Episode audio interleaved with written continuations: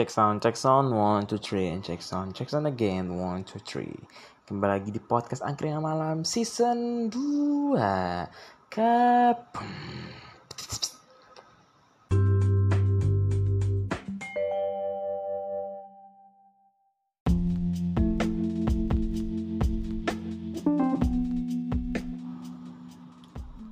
Oke, gimana kabar kalian semua? Mudah-mudahan baik-baik aja bagi yang lagi menikmati makan malamnya silahkan menikmati. Atau kalian lagi mendengarkan di podcast di sarapan di lagi pagi dan dengan sarapan selamat menikmati juga makanannya. Bagi yang lagi di mobil ya kan? Selamat berkendara enjoy ya kan? Bagi yang lagi perjalanan jauh dengan kereta atau naik motor sembari dengerin podcast ya hati-hati di jalan gak usah buru-buru. Stay enjoy stay close and don't forget to say uh, basmalah to yang beragama Islam kalau misalnya non Islam ya silakan dengan kepercayaan masing-masing. Oke malam ini eh kok malam ini sih hari ini gue pengen ngebahas tentang sesuatu yang mungkin apa ya hubungan antara ini masih tentang masih tentang filosofinya si Zeno tentang filosofi, filosofi Stoa against uh, Karo atau hubungan dengan uh, penyelewengan kebijakan atau penyelewengan kekuasaan gitu. Jadi begini ini aku ceritakan permasalahannya dulu dah biar biar pada ngerti gitu. Jadi begini di suatu hari cutting aing kan itu kejadian di pondok gua gitu ya kan, pondok gua. Kejadian itu gue nggak mau sebut nama pondoknya kata karena terlalu berbahaya nanti gue malah mengancam nama saya nanti mengancam nilai saya ya kan? Di satu uh, pondok ya kan? Pondok ini tuh pemiliknya itu adalah dosen di satu salah satu kampus di tempat gue kuliah. Tiba cutting gue ini itu tiba nyamperin gue gitu. Ujuk-ujuk ujuk tiba gini ini anak didiknya dari bapak Anu siapa? Gitu ya kan? Soalnya mau didani gitu ya kan Nah, berhubung uh, gue ini adalah anak didiknya dosen tersebut, gue sebutin lah nama gue, temen gue yang perempuan satu, temen gue yang laki satu, ya kan? Dan lagi ada temen-temen gue yang dari eh apa pondok-pondok lain juga sama, yang dibawa asuhan bapak dosen tersebut ya kan? Singkat cerita, waktu lah uh, apa nilai muncul, jepret, ya kan? Awalnya A ya kan? Pas gue bilang kayak itu tiba temen gue ini eh bukan kan gak gini, gini.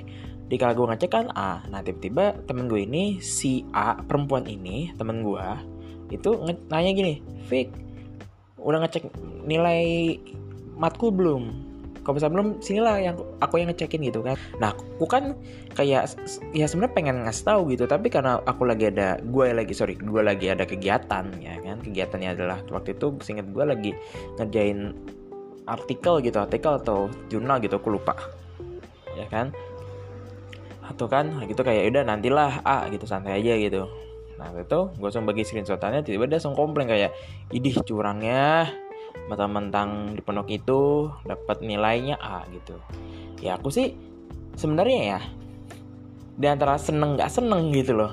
Senengnya dapatnya nilai matkul ya A senengnya adalah ya kayak di, merasa dispesialkan gitu. Sebenarnya ya gue sih sama matkulnya dia aku biasa aja gitu loh. Nanya enggak.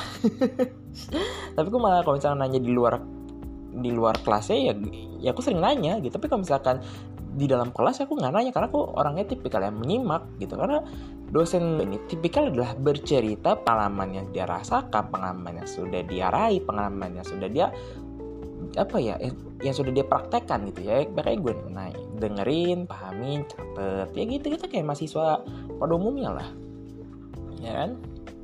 Nah singkat ceritanya lagi temen gue lagi pada komplain kayak idih dapat nilai A masa pondok ini dapat nilai A gitu ya. Sebenarnya seneng nggak seneng sih karena ya dalam, dalam satu sisi senang dalam, dalam satu sisi kayak penyelewengan dengan memanfaatkan jabatan menjadi dosen itu ya ya udah nilai A itu gampang padahal aslinya kalau misalkan mau fair fairan mending kayak ya udah nggak sampai begituan aja. Mending kayak diadu secara keilmuannya aja ya. Pasti aku kalah gitu loh. Karena ada yang lebih bagus dari gue ada yang lebih keren dari gue ada yang lebih kritis dari gue ada yang lebih op oke okay, atau perfect di dari gue gitu. Jadi bukan lebih dari gue gitu. Jadi ya udah dan never mind gitu. Tiba-tiba singkat ceritanya lagi. Tiba-tiba teman gue ini si B B ini yang yang tadi awal gue ceritain itu si B ini ap, apa nanya gue gini Fik lu udah ngecek belum nilainya? Tiba-tiba nilai kita berubah loh jadi amin. Ah amin? Ya kan? Aku langsung respon gitu kan gue cek anjir iya amin dong. Nah soalnya gue komplain ke PJ kan kayak PJ ini gimana nih kok awal dari amin? Gitu. Nah PJ gue ini ngeresponnya tuh satu hari lewat berapa jam gitu ya detail sih gue orangnya ya. It's okay. Cepetin lagi. Gue cepetin lagi. Dan saat itu ya kan tiba-tiba PJ gue bilang gini Fik itu udah kayaknya nilai final deh Fik. Jadi gue nggak bisa bantu apa-apa. Palingan ya kalau misalkan kita ganggu gugat malah jadi berdampak ke semua nilai anak kelasan yang lain loh. Apalagi bapak dosen itu kan ngajar seluruh kelas masa kelas-kelas yang dia asuh. Jadi ya mending ya sebaiknya kita diem aja dulu udah kan karena kayak gitu ya udah gue pasrah gitu loh. Dan tuh dampaknya adalah ya banyak lah sindiran-sindiran ke pondok aing gitu loh kayak masuk sini dapat nilai A karena kecap dapat kekuatan dari dosen itu ya.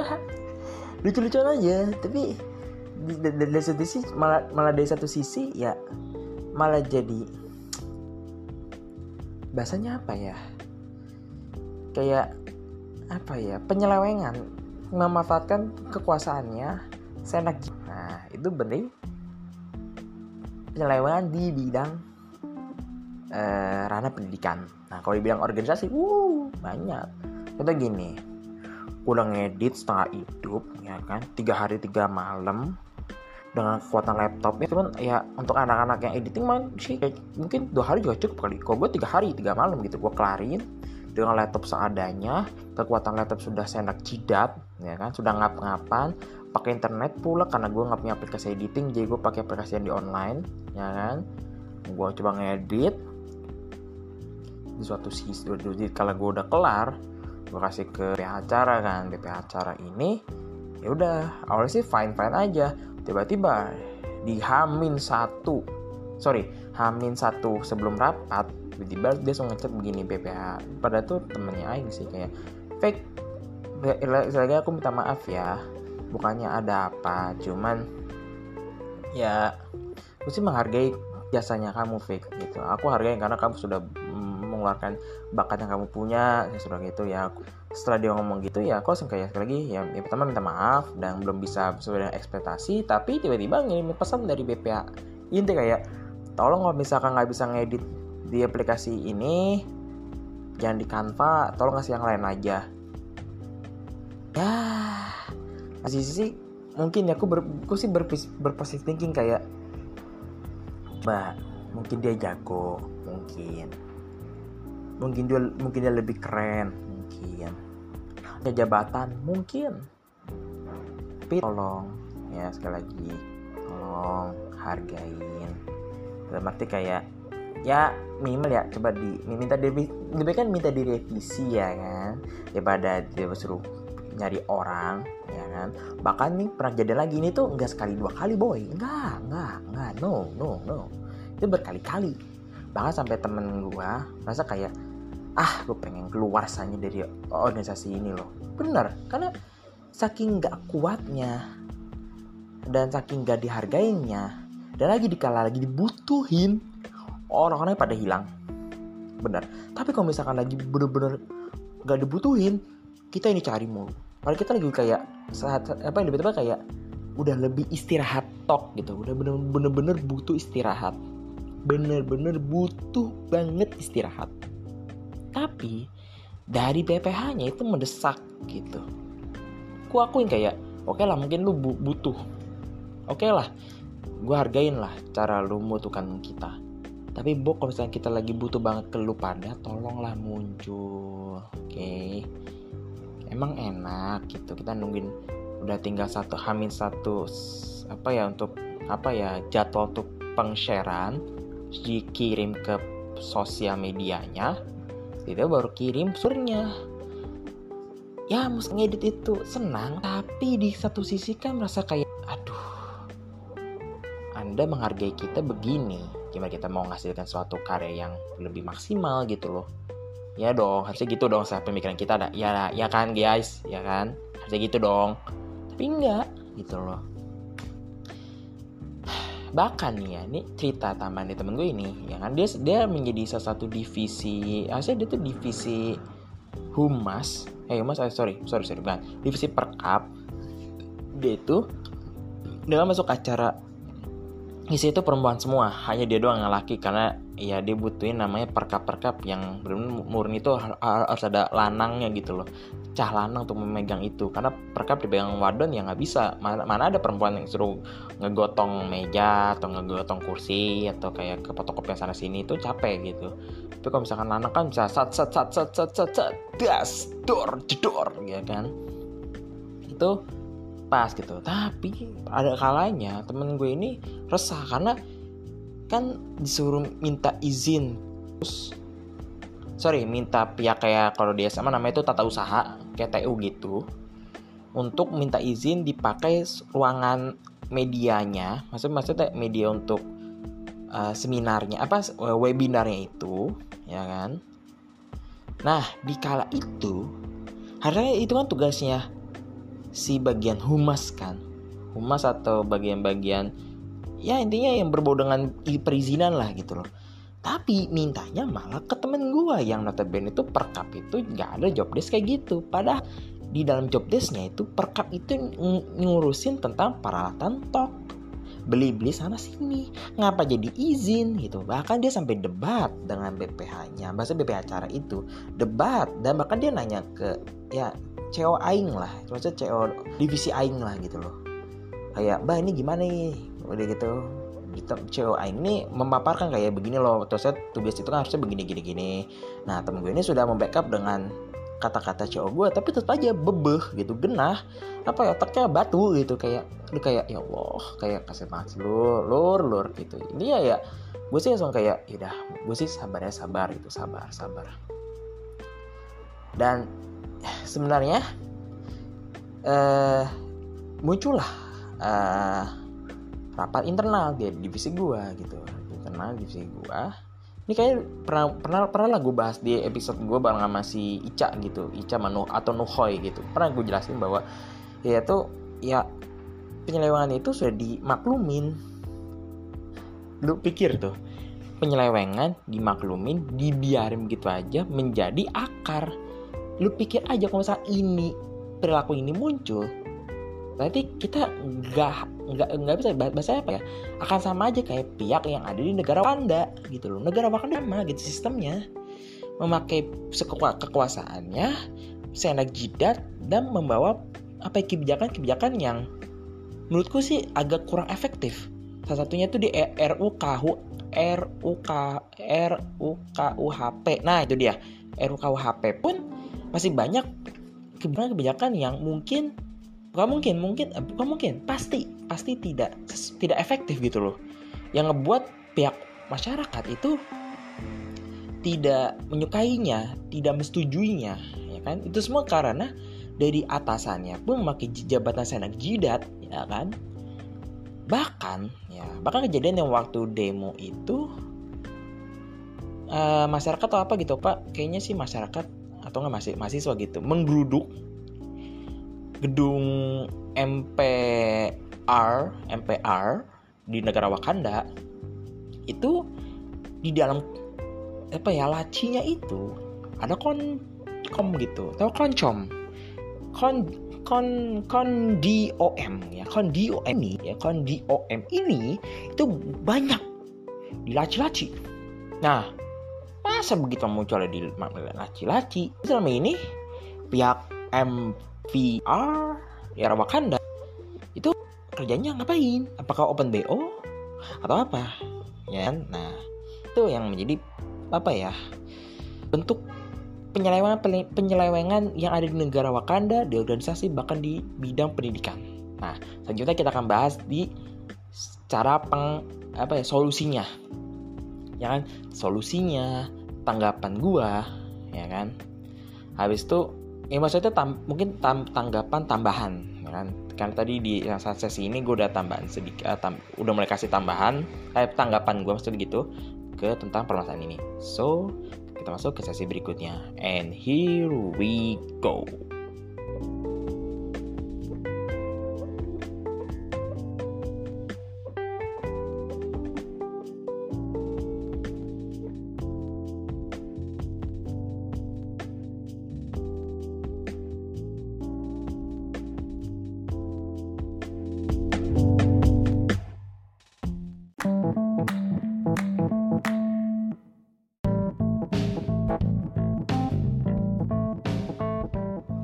ya tadi kan gue kan udah bilang di awal kan gue akan ngehubungin sebenarnya sih banyak sub tema tapi gue pengen jadi satu konten aja dengan akan besok gue harus pergi lagi ya guys ya ke kota uh, tempat gue berkuliah. Dengan kan harusnya pada libur. Malah gue datang tapi untuk apa? Untuk gue menjalankan tanggung jawabnya gue bukan menggugurkan bukan tepan cuman adalah bentuk tanggung jawab gue bentuk gue sudah terjun ke ranah sini jadi gue melakukan itu semua. So ya santai aja sebenarnya sih. Oke kita akan mulai satu persatu ya kan? Hubungannya apa sih tentang filosofi stoa dan kenapa harus ngebahas tentang filosofi stoa filosofi stoa filosofi stoa terus? Ya karena kan ini ini masih up to date. Nah masih up to date. Meskipun gue mungkin telat baca mungkin gue ya intinya tuh masih penerapannya masih oke oke aja masih kayak masih relevan masih relate dengan kehidupan gitu. Dan lagi uh, penerapannya cukup cukup ngebuat lu nih yang para pecinta cinta dengan filosofi itu maknanya dapat semua. Bagi di ranah kekuasaan gitu kayak uh dapet bos seperti itu. Ya kan Oke, okay. uh, eh, sebenarnya ya kan gue kan bilang bahwa uh, menjadi bahasanya apa tadi ya? Jadi kan penyelewengan itu dikarenakan ya memaksa memak, apa mem, bukan memfungsikan atau menggunakan kebijakan atau ke apa ya jabatannya gitu. Nah, tapi menurut filosofi itu adalah bentuk yang itu tidak bisa kita pegang atau kita, kita tidak bisa kontrol. Benar-benar.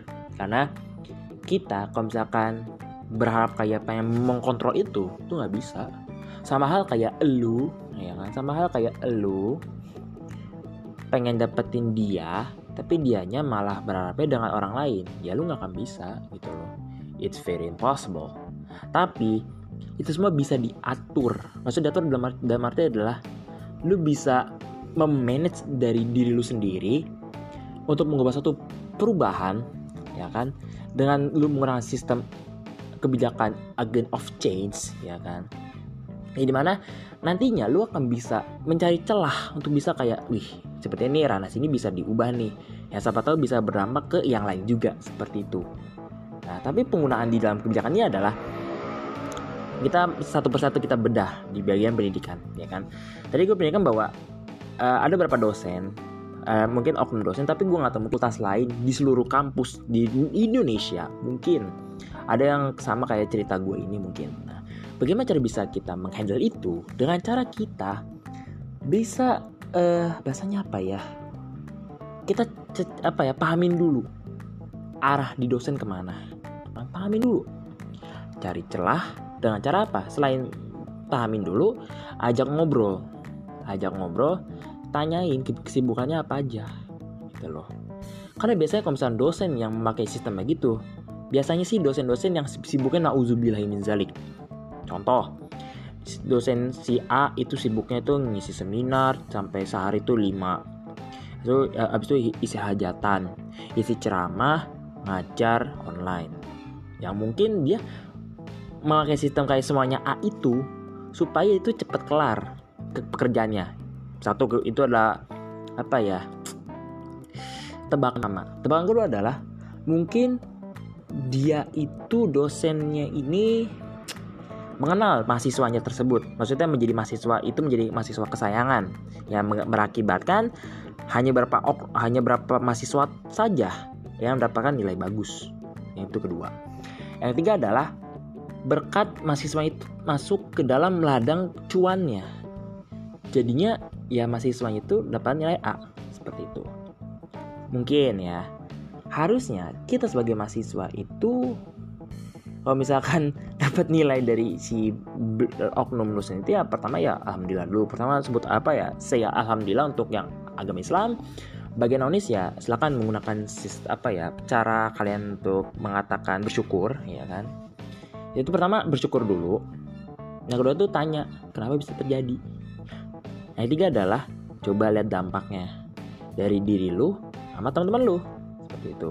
Misalkan dari diri lu tuh bagus tapi di teman-teman lu enggak ya udah berarti ada kesalahan pahaman gitu ini dan keempat dampak setelah lu melihat dari itu semua apa lagi?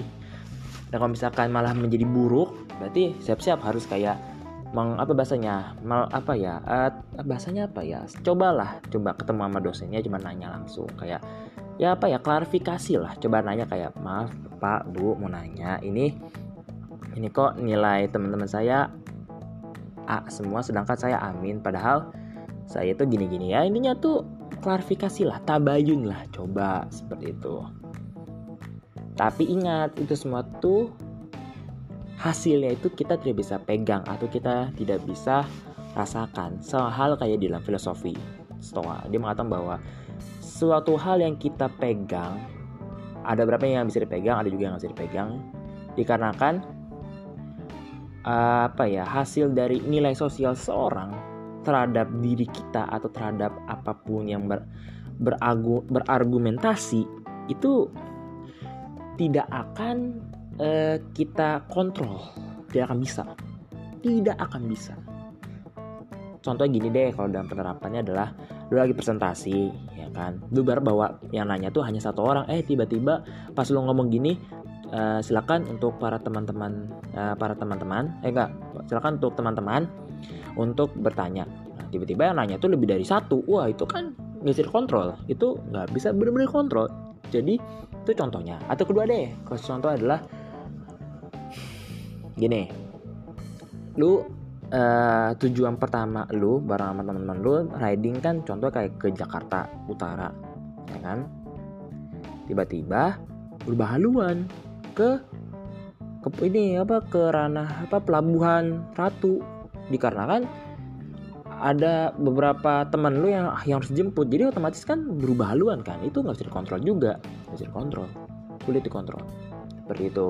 Jadi ini gue balik ke dalam penerap yang di dalam pendidikan ini. Jadi hasil dari lu udah mengklarifikasi itu tidak bisa kita kontrol. Contoh kayak si dosen ini harus bisa begini gini, oh nggak bisa bro. Nggak bisa. Brosis nggak bisa. Sulit. Tapi kita bisa mengusahakan dengan kita sebagai mahasiswa yang agent of change ya kan? Si agent of change si paling agent of change ya kan? Itu bisa. Gitu. Atau ini kan banyak nih. Apa ya kita ambil apa ya beberapa berita-berita hits deh tentang pelecehan seksual di ya bahasanya. Di ranah ini kan ada pondok ya kan? Ada beberapa pondok ada beberapa fakultas apa ada kampus. Itu kan dosen itu melakukan begituan kepada mahasiswinya. Itu kan suatu hal yang tidak bisa dikontrol. Maksudnya kayak contoh gini lu ngelihat itu. Jadi otomatis otomatis kan kayak lu yang seketika menjadi apa ya point of view itu orang ketiga. Lu melihat itu nggak bisa dikontrol. Tapi kita bisa mengusahakan supaya orang yang melakukan itu bisa dilapor seperti itu. Tapi kita kayak bahasanya apa ya kayak kayak ngingetin kayak gini eh lu jangan begitu nggak bisa bro. Kita sudah berusaha tapi kalau misalkan dari pihak itunya nggak mau dengar sulit. Tapi kita bisa mengusahakannya seperti itu. Gitu gitu ya itu simpel ya penerapan filosofi stoa dari Zeno. Si chill teras itu ya si chill chill tapi kembali lagi dalam ini ya masalah yang pelecehan seksual pelecehan seksual ini itu benar-benar kayak meresahkan gitu loh yang ada di Depok Bandung. Aduh. Aduh sangat umat sumpah. Nama, mana, mana bawa nama pondok lagi kayak aduh udah tahu ngebawa nama agama aja di ranah Indonesia aja udah panas ganas. Tapi malah malah memperkeruh. Aduh aduh. Tapi ya sudahlah semoga orang yang dapat laporan tuh ya cepet di apa ya dihukum sesuai dengan peraturan yang berlaku. Dan bagi yang menjadi korbannya ya ya semoga lebih harus lebih kuat lagi lebih sabar. Dan kalau misalnya ada nama trauma-trauma semoga cepat sembuh. Ya aku dan perwakilan kru dari podcast angkringan malam ya berharap bahwa korban-korban tersebut bisa cepat pulih dari traumanya bisa lebih bisa having fun lagi bareng teman-temannya bisa chill lagi bareng teman-temannya bisa relax lagi dengan apa ya teman-temannya juga. Intinya tuh chill gitu harus chill gitu. Bagi yang para pendengar ya harus lebih ya apa ya jangan sagapung lah tolong jangan sangi jangan sangi yang tidak tertampung gitu. Tolong tolong ini para pendengar pendengar ya. Tolong guys tolong. Kontrol. Sange boleh tapi kalau misalnya udah sah gas. Misalkan itu ya jangan. Tahan tahan tahan. Oke tahan guys tahan. Meskipun berat harus tahan. Oke lanjut ya. Kita pindah ke ranah organisasi seperti itu. Ya dari kan gue gue dibilang di apa? Gue bilang sih tadi gue bilang di awal bahwa organisasi yang tadi gue bilang itu adalah bentuk apa ya bahasanya kayak tidak menghargai apa ya tidak merasa apa yang menghargai karyanya gitu. Harusnya gini loh. Gue sih sadar bahwa mungkin gue hanya anggota doang mungkin gue bukan BPA inti mungkin gue hanya apa ya hanya manusia yang mungkin hanya apa ya pelengkap dalam menyelesaikan prokernya doang. Mungkin seperti itu tapi gue sadar bahwa meskipun gue anggota gue gue masih ada dampak dampak dampaknya loh kepada uh, organisasi tersebut gitu. Dan gue bisa bahasanya kayak apa ya? Bisa menjadi agen of change. Dengan cara apa? Gue mungkin gue bisa menganalisis tersebut memahami ini arah ke mana dulu cara kerja gimana cara mempraktekannya gimana. Ini cara kerja mempraktek sama sih hitungannya uh, maksudnya arah tujuannya ke mana gimana susunannya? Dan lain-lain gitu. Intinya tuh ya teknik-tekniknya lah gue pelajarin. Dan kalau misalkan ada kalanya gue harus uh, mengkontrol ini ini, ini, ini organisasi gue gue udah punya bekal gitu. Oh ternyata begini-gini loh penerapannya. Mungkin gue bisa terapin ke sini. Mungkin orang-orang yang dulu itu job desknya gak sesuai mungkin gue kayak dipertegas bahwa lo harus lo tuh harus sesuai dengan ini ini, ini loh. Kalau misalkan nggak bisa ya keluar get out aja nggak apa-apa. Tapi ya itu pun sekali lagi harus ingat bahwa uh, mungkin gue dapat apa ya kata kata-kata mutiara mungkin dari sahabat nabi atau dari ustadz atau apa aku lupa. Itu ini gini loh. Jika seorang yang tidak sesuai dengan bakatnya itu malah mengisi tempat yang tidak dia kuasain maka akan akan membawa kerusakan atau ngebawa uh, dampak buruk. Nah, faktanya adalah di, di masa sekarang itu dari negara Wakanda sampai negara negara eh sorry dari negara Wakanda negara internasional atau yang di bidang-bidang perkampusan itu mengisi orang-orang yang tidak sesuai dengan bakat minatnya itu loh contoh si A ini ahli di bidang public speaking si B ini jagonya itu di bidang editing. Tapi si editing ini diisi ke public speaking yang notabene si si si jago editing itu nggak bisa ngomong di depan orang. Sedangkan orang ini dipinang ke bidang editing yang sama sekali itu nggak ngerti cara ngedit gimana cara gini gimana. Meskipun bisa belajar sih bisa tapi alangkah baik adalah mengasih orang yang lebih jago gitu. Tapi ingat ada berapa ada ada kalanya berapa orang belajar gitu. Belajar menghargai uh, intinya tuh berusaha lah untuk bisa bisa sama gitu dengan orang yang lebih lancar di bidang editing atau bidang public speaking itu.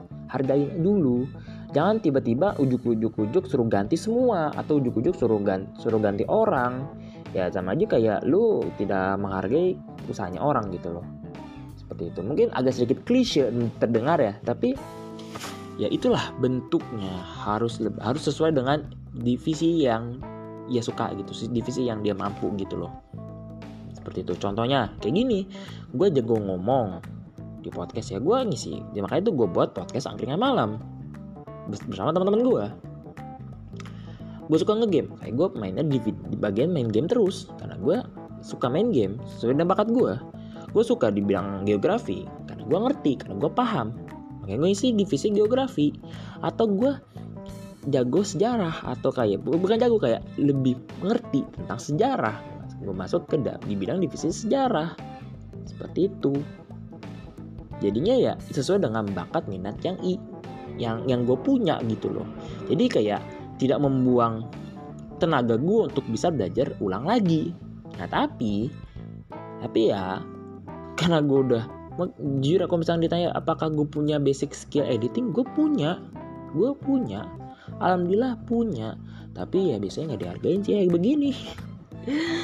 Uh, semoga jadi pengalaman semoga jadi ini apa bahan evaluasi nih sumpah. Karena gue tahu ini tuh nggak hanya gue doang. Bahkan ya ada beberapa apa ya uh, organisasi yang krisis dengan anggotanya malah ngebuka banyak event-event. Event-eventnya kayak buka acara-acara yang sama sekali butuh namanya sumber daya manusianya. Dan ujung-ujungnya malah memakai anggotanya sendiri. Yang ngebuat anggota sendiri pun harus memakan job desk yang mungkin ditanya kayak wih keren bisa memegang satu orang bisa memegang lima acara atau tujuh acara. Ya mungkin terdengar keren tapi itu semua tuh nggak ada yang keren. Itu akan menyiksa batin menyiksa fisik menyiksa apa yang dia punya. Mungkin bisa menyita waktunya yang harusnya bisa quality quality time bersama keluarga quality time dengan teman quality time sama sahabat quality time dengan pacar atau dengan pasangannya. Nggak jadi nggak ada. Jadi ya aduh kasihan gitu loh. Ya semoga aja ya ya para pendengar bisa mengingatkan tahu kayak kayak eh kayaknya sih gue harus bisa maju gitu. Ya silakan pakai apa yang gue katakan. Tapi sekali lagi dengerin sampai habis. Karena gue punya temen gitu gue ngomong begini tiba-tiba malah hujat. Buh hujatnya pun gak main-main. Tuh ngomongnya pakai bahasa hewan. Uh hewan banget. Eh tapi hewannya pun ya kalau misalkan ditanya kayak apakah itu teman lu Fik? enggak. Deket aja enggak. Meskipun ya, ya kayak teman kenal toh gitu loh tiba-tiba malah kayak hujat head speech. Oh. Gue sangat tanya apakah gue takut sama orang itu? Ya gue nggak takut lah sama-sama manusia sama makan nasi fight tinggal fight gitu loh. Bonyok tinggal bonyok seperti itu. Itu aja sih. Kalau misalkan gentle tapi kalau misalkan hanya main head, head speech doang mah ya Allah gue dari zaman SD sampai SMP aja gue udah dihina. Aja kayak ya udah kayak makanan makanan apa ya makan tahu koko crunch nggak? Ya gitu dong tuh rasanya gitu dong rasanya biasa biasa aja. Tapi paling agak sedikit nyelakit aja sih tapi ya nyelakit itu paling ngilang dalam sejam dua jam ya selesai itu hilang. Gitu loh. Ya, tapi kalau misalkan gue kemakan itu ya palingan gue akan siap-siap akan gue datengin orang itu. Gitu aja. Tapi ya nggak nggak tapi ya itu, itu kalau lagi parah-parahnya kalau lagi biasa aja ya santai enjoy gitu loh. Kayak kayak bolah bodo amat lah kayak angin lewat aja. Tapi gue balik lagi dalam itu ya ini gitu loh ngebuat kayak para anggota kayak tersiksa. Meskipun kayak wih gue gue gue nambah pengalaman nih gue dapat sertifikat ini. Iya bagus bagus. Tapi ingat time management is very important. Waktu manajemen waktu paling paling benar-benar dibutuhkan. Karena emang emang lu harus kayak harus setiap hari mengatur organisasi itu terus. Emang lu nggak mau kayak kayak misalnya kayak misalnya lu ada namanya sumber profit sumber cuan emang lu nggak mau ngurus atau kayak emang lu kalau misalnya ada tugas-tugas kuliah emang lu nggak mau ngatur itu apa di fokus ke dalam uh, organisasi terus? Pasti nggak dong. Nah, itulah mengapa. Itu tuh kayak ya kita sebagai yang mau yang mau mahasiswa atau murid itu harus benar-benar kayak mengerti harus lebih memahami bahwa tidak selamanya ya bahasanya apa ya bahasanya ya? Tidak selamanya harus fokus itu mulu enggak karena karena ingat di dalam manajemen itu kita butuh nama itu manajemen secara internal, eksternal dan tersier. Internal yang secara internal adalah kayak benar-benar yang paling dibutuhkan banget, yang paling kita fokuskan banget, yang paling kita tuju banget. Tuh, tapi kalau misalnya sekunder adalah hanya ya hanya tambahan-tambahan dari internal. Kalau tersier adalah bentuk kayak ya hanya segelintir-segelintir aja gitu loh. Seperti itu. Jadinya ya lebih baik ya lebih baik lebih baik mencari pengalamannya sedang tapi mencari sumber profit itu bagus ditambah dengan penyimbangan dengan ibadah daripada kayak fokus itu mulu. Tapi secara sumber profit secara ibadah malah berkurang. Itu kayak wah lu bahaya bro. Sumpah tuh bahaya banget gitu loh buat diri lu sendiri gitu loh. Gitu kawan-kawan. Sekarang ke negara Wakanda ya guys ya. Ini di antara gue ngeri ngeri sedap atau enggak gue takut ngilang karena ya ya lu tahu sendiri lah yang yang apa yang RU RUKUHP plus kayak lu lu dengar gak sih yang waktu itu apa kebijakan katanya yang Pertamina itu suruh memakai My Pertamina untuk pembelian apa subsidi Pertalite doang? Nggak perlu kayak kayaknya Pertalite itu apa gitu itu gue bingung gitu ya kan? Kayak Niko Ero KUHP kebijakannya. Dan meskipun gue belum baca secara keseluruhan belum. Karena gue pengen masih mencari sumber-sumbernya karena gue pengen mencari secara valid gitu. Pengen mencari secara valid benar dan pasti tentang isi kau eh, apa KUHP yang benar lagi di, di apa yang lagi diomongin di masyarakat. Dengan ya mungkin yang pertama ini gue gue udah baca secara mungkin udah mungkin udah keseluruhan gitu namanya Pertamina gitu. Jadi intinya si bi, pihak ini yang Pertamina dulu ya baru yang RUKWP jadi di bidang Pertamina ini ya si pihak pemerintah itu mengatakan apa ingin memberikan kebijakan bahwa membatasi atau mempatok atau menstok uh, jumlah subsidi pertalite untuk meringankan uh, keuangan negara. Gitu loh katanya begitu katanya aku ini ngebaca di sumber-sumber kayak ini masih up to date. Kalau misalnya kalian suka baca di Quora ini Quora lagi benar-benar lagi hype. Bukan hype hype. Gue baca di apa di salah satu pembahasan di apa grup juga iya grup tele iya grup WA iya gitu. Bahkan ngebahas tentang gue kadang Google Meet teman-teman gue yang lebih ngerti iya gitu. Jadi wah sangat up to date gitu. Tapi ini tuh hanya untuk golongan-golongan ke bawah jadi yang kayak golongan-golongan yang punya BMW yang punya Lamborghini nggak diizinkan bahkan akan disuruh membeli di luar dari subsidi pertalite gitu. Tapi kita sadar bahwa lu bawa HP ke pom bensin aja berbahaya sob. Lu inget kan lu masuk pom, bensin kan ada tanda kayak dilarang main HP, ya kan? Dilarang main HP, dilarang main HP. Ini gua ngomong tiga kali ini tuh bentuk kayak bentar nih kan katanya suruh scan di pipe Pertamina kan.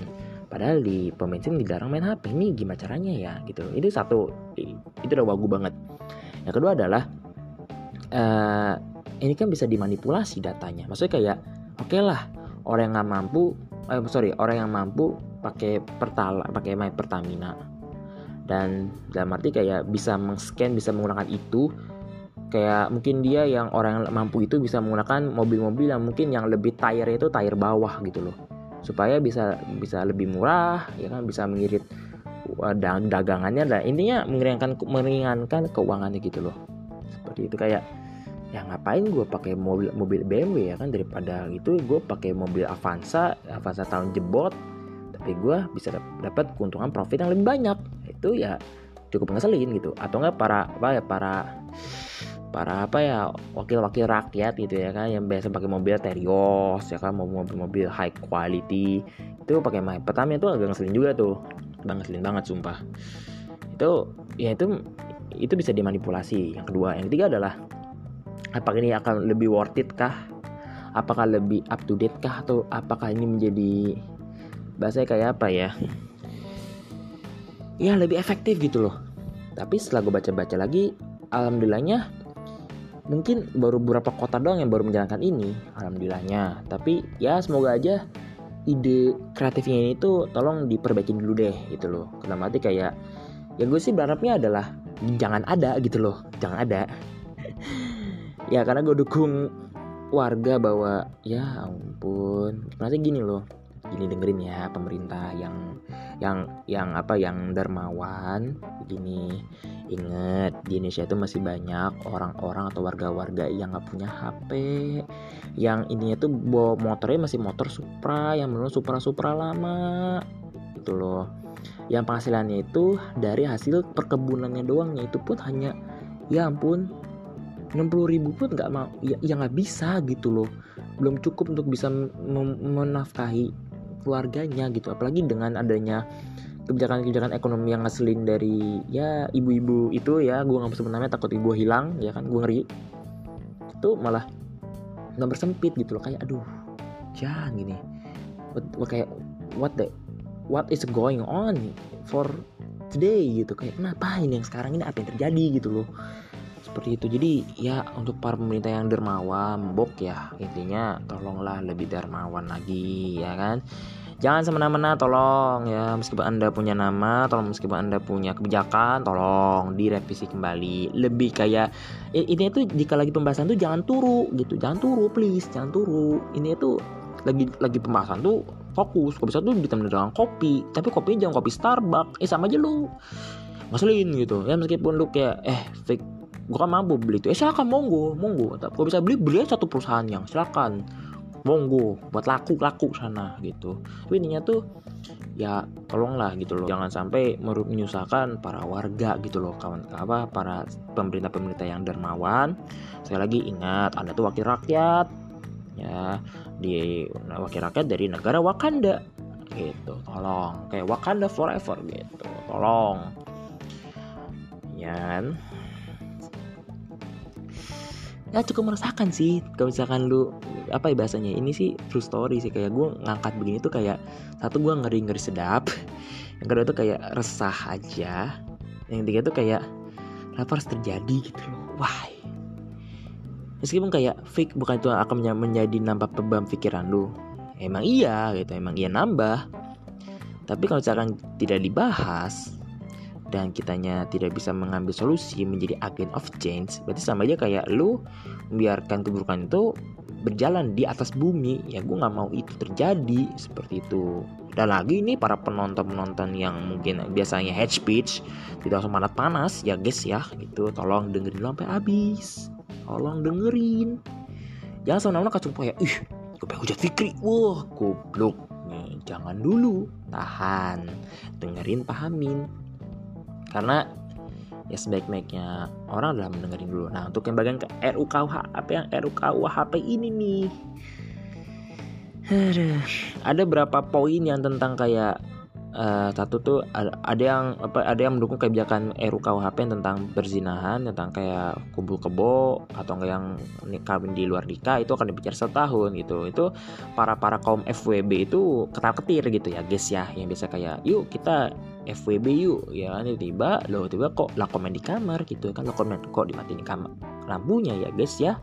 Tiba lo kok hamil? Ya itu ya itu langsung dipenjara satu tahun. Hanya satu tahun dong yang gue baca segitu sih kurang satu tahun. Yang kedua adalah tentang santet gitu. Kenapa ada ada santet gitu loh? Apakah itu membawa baik? Ya mungkin beberapa sisi ya baik. Menurut gue baik. Tapi ya apa itu seberapa apa itu sebegitu pentingnya kan sampai santet masuk ke dalam RUKUHP gitu loh? Gue nggak tahu tuh. Itu secara apa nilai etisnya tuh ada atau enggak aku belum tahu. Oh, nanti aku pengen nanya sesuatu oh, apa ya orang yang ngerti bagian ini deh. Mungkin dia bisa menjelaskan ini.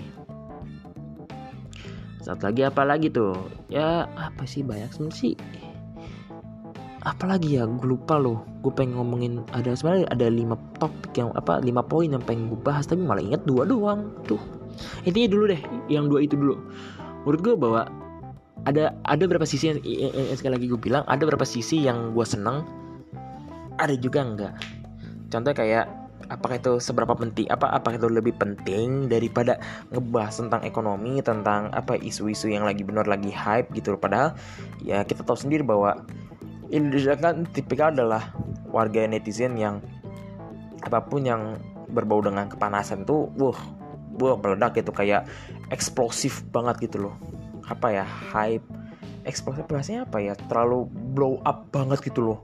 Bahkan sampai sekelas waktu itu sampai apa ya?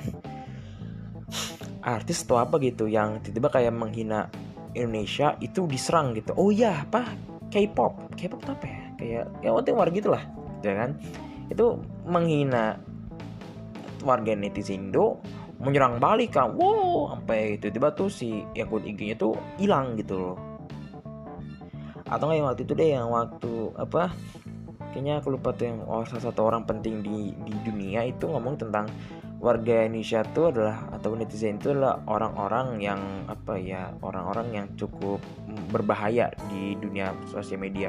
Langsung diserang orang itu sampai di sosial medianya dia tuh apa dilaporin atau sampai bagian-bagian intinya sosial media itu dibuat apa ya dilaporin lah sampai dia tuh akun ter orang tersebut hilang gitu kayak wow keren. Gua keren. Tapi di satu sisi kayak gile ini pasukan netizen Indo cukup ganas banget. Apa ganas banget sih? Ganas banget gitu loh. Kalau misalkan disuruh adu-aduan mungkin netizen Indo lebih ganas mungkin. Jadi intinya gini misalnya gini disuruh perang sosial media uh mungkin Indonesia menang kali. Karena ganasnya ya ampun jangan bahkan sampai dari anak kecil sampai yang sudah yang sudah umurnya itu lebih mungkin setara dengan orang tua gue mungkin lebih wah nyerangnya mungkin lebih ekstra gitu. Mungkin bisa sampai memakai sistem-sistem kena apa ya sistem kena mental dulu gitu loh. Ini wah cukup cukup tragedi lah. Aduh aduh ya ampun ya ampun. Aduh. Tapi sekali lagi ya ya ini sebagai penutup ya ini tuh bagi kita yang sebagai mahasiswa ini kalau misalkan yang dengarnya adalah mahasiswa kita sebagai mahasiswa tuh harus bisa benar-benar mengerti memahami dan Indah itu jangan sampai buta lah akan namanya informasi begitu gitu. Seperti itu. Contoh gini lu nggak suka po iya, politik tapi ya di dalam kondisi ini lu tuh harus bisa ngerti supaya lu nggak terjebak di bidang yang harusnya tuh kayak lu nggak usah masuk nggak masuk gitu loh. Maksudnya kayak lu tuh masuk ke dalam perangkap ular gitu loh Baiknya adalah harus belajar gitu loh. Meskipun kayak ih gua gak suka politik fik. Belajar aja gitu loh. Atau gini deh lu nggak suka di bidang matematika belajar aja dulu. Masalah hasil itu ya kita nggak usah kontrol. Intinya kita tuh sekali lagi tuh hanya bisa berusaha semaksimal mungkin supaya hasil yang kita dapatkan tuh bisa sempurna seperti itu. Kan? Yang ketiga adalah kita sebagai mahasiswa itu tidak hanya sekedar kayak menganalisis mengasih tanggapan tapi kita juga apa ya bahasa itu kayak menjadi pengalaman bahwa oh ternyata dia tuh orang gini gini gini. Mungkin kalau misalkan gue ditunjuk sebagai orang kayak kayak dia juga gue akan terapin kayak gini loh. Kayak gitu loh intinya berandai-andai untuk bisa terapin. Apa diterapin siapa tahu mungkin suatu hari nanti lu ditunjuk menjadi ketua ditunjuk menjadi orang-orang penting di bidang or organisasi lo atau di bidang negara atau di bidang wakil daerah itu lu bisa menerapkan itu itu kawan-kawan. Oke? Mungkin segitu aja untuk pembahasan malam ini. Ya sekali lagi gue benar-benar minta maaf kalau misalkan ada ada salah-salah kata atau apa. Sekali lagi gue tuh gak ada maksud apa apa bener. Tapi gue murni bahwa itu harus bisa di harus bisa apa ya diomongkan. Dan alhamdulillahnya bisa tercapai juga apa yang gue mau omongin. Karena ini sudah hari ini urutannya adalah ini dulu baru episode bareng sama si Ica.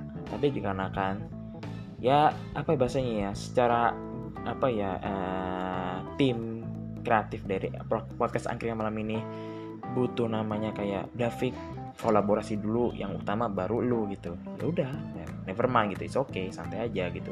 Gue tinggal jalanin doang gue tinggal nyalain HP eh, apa eh, ngomong masalah editing ya anak-anak tim kreatif gue gitu loh. Santai aja. Oke segitu aja pembahasan untuk malam ini. Jika ada salah kata benar-benar gue sekali lagi minta maaf. Gue mewakili tim kreatif akhirnya malam uh, minta maaf. Dan ini kan masih masa-masa libur Idul Adha jadi ya selamat Idul Adha bagi yang menjalaninya bagi yang non Islam saya selamat liburan ya kan karena liburan sudah tiba. Bagi yang non, non, ya bagi yang Islam ya ingat jangan kebanyakan makan daging nanti kolesterol. Tolong dikontrol aja ya kan karena kita nggak mau kan masa masih muda udah kena kolesterol gitu ya kita nggak mau banget gitu. Jadi harus bisa dikontrol sebaik mungkin. Seperti itu. Oke. Selalu enjoy di podcast Angkringan Malam season 2 dan ingat stay humble. Don't forget to study and you every day. Pamit undur diri. Podcast Angkringan Malam season 2 kapem bye bye semua Thank you.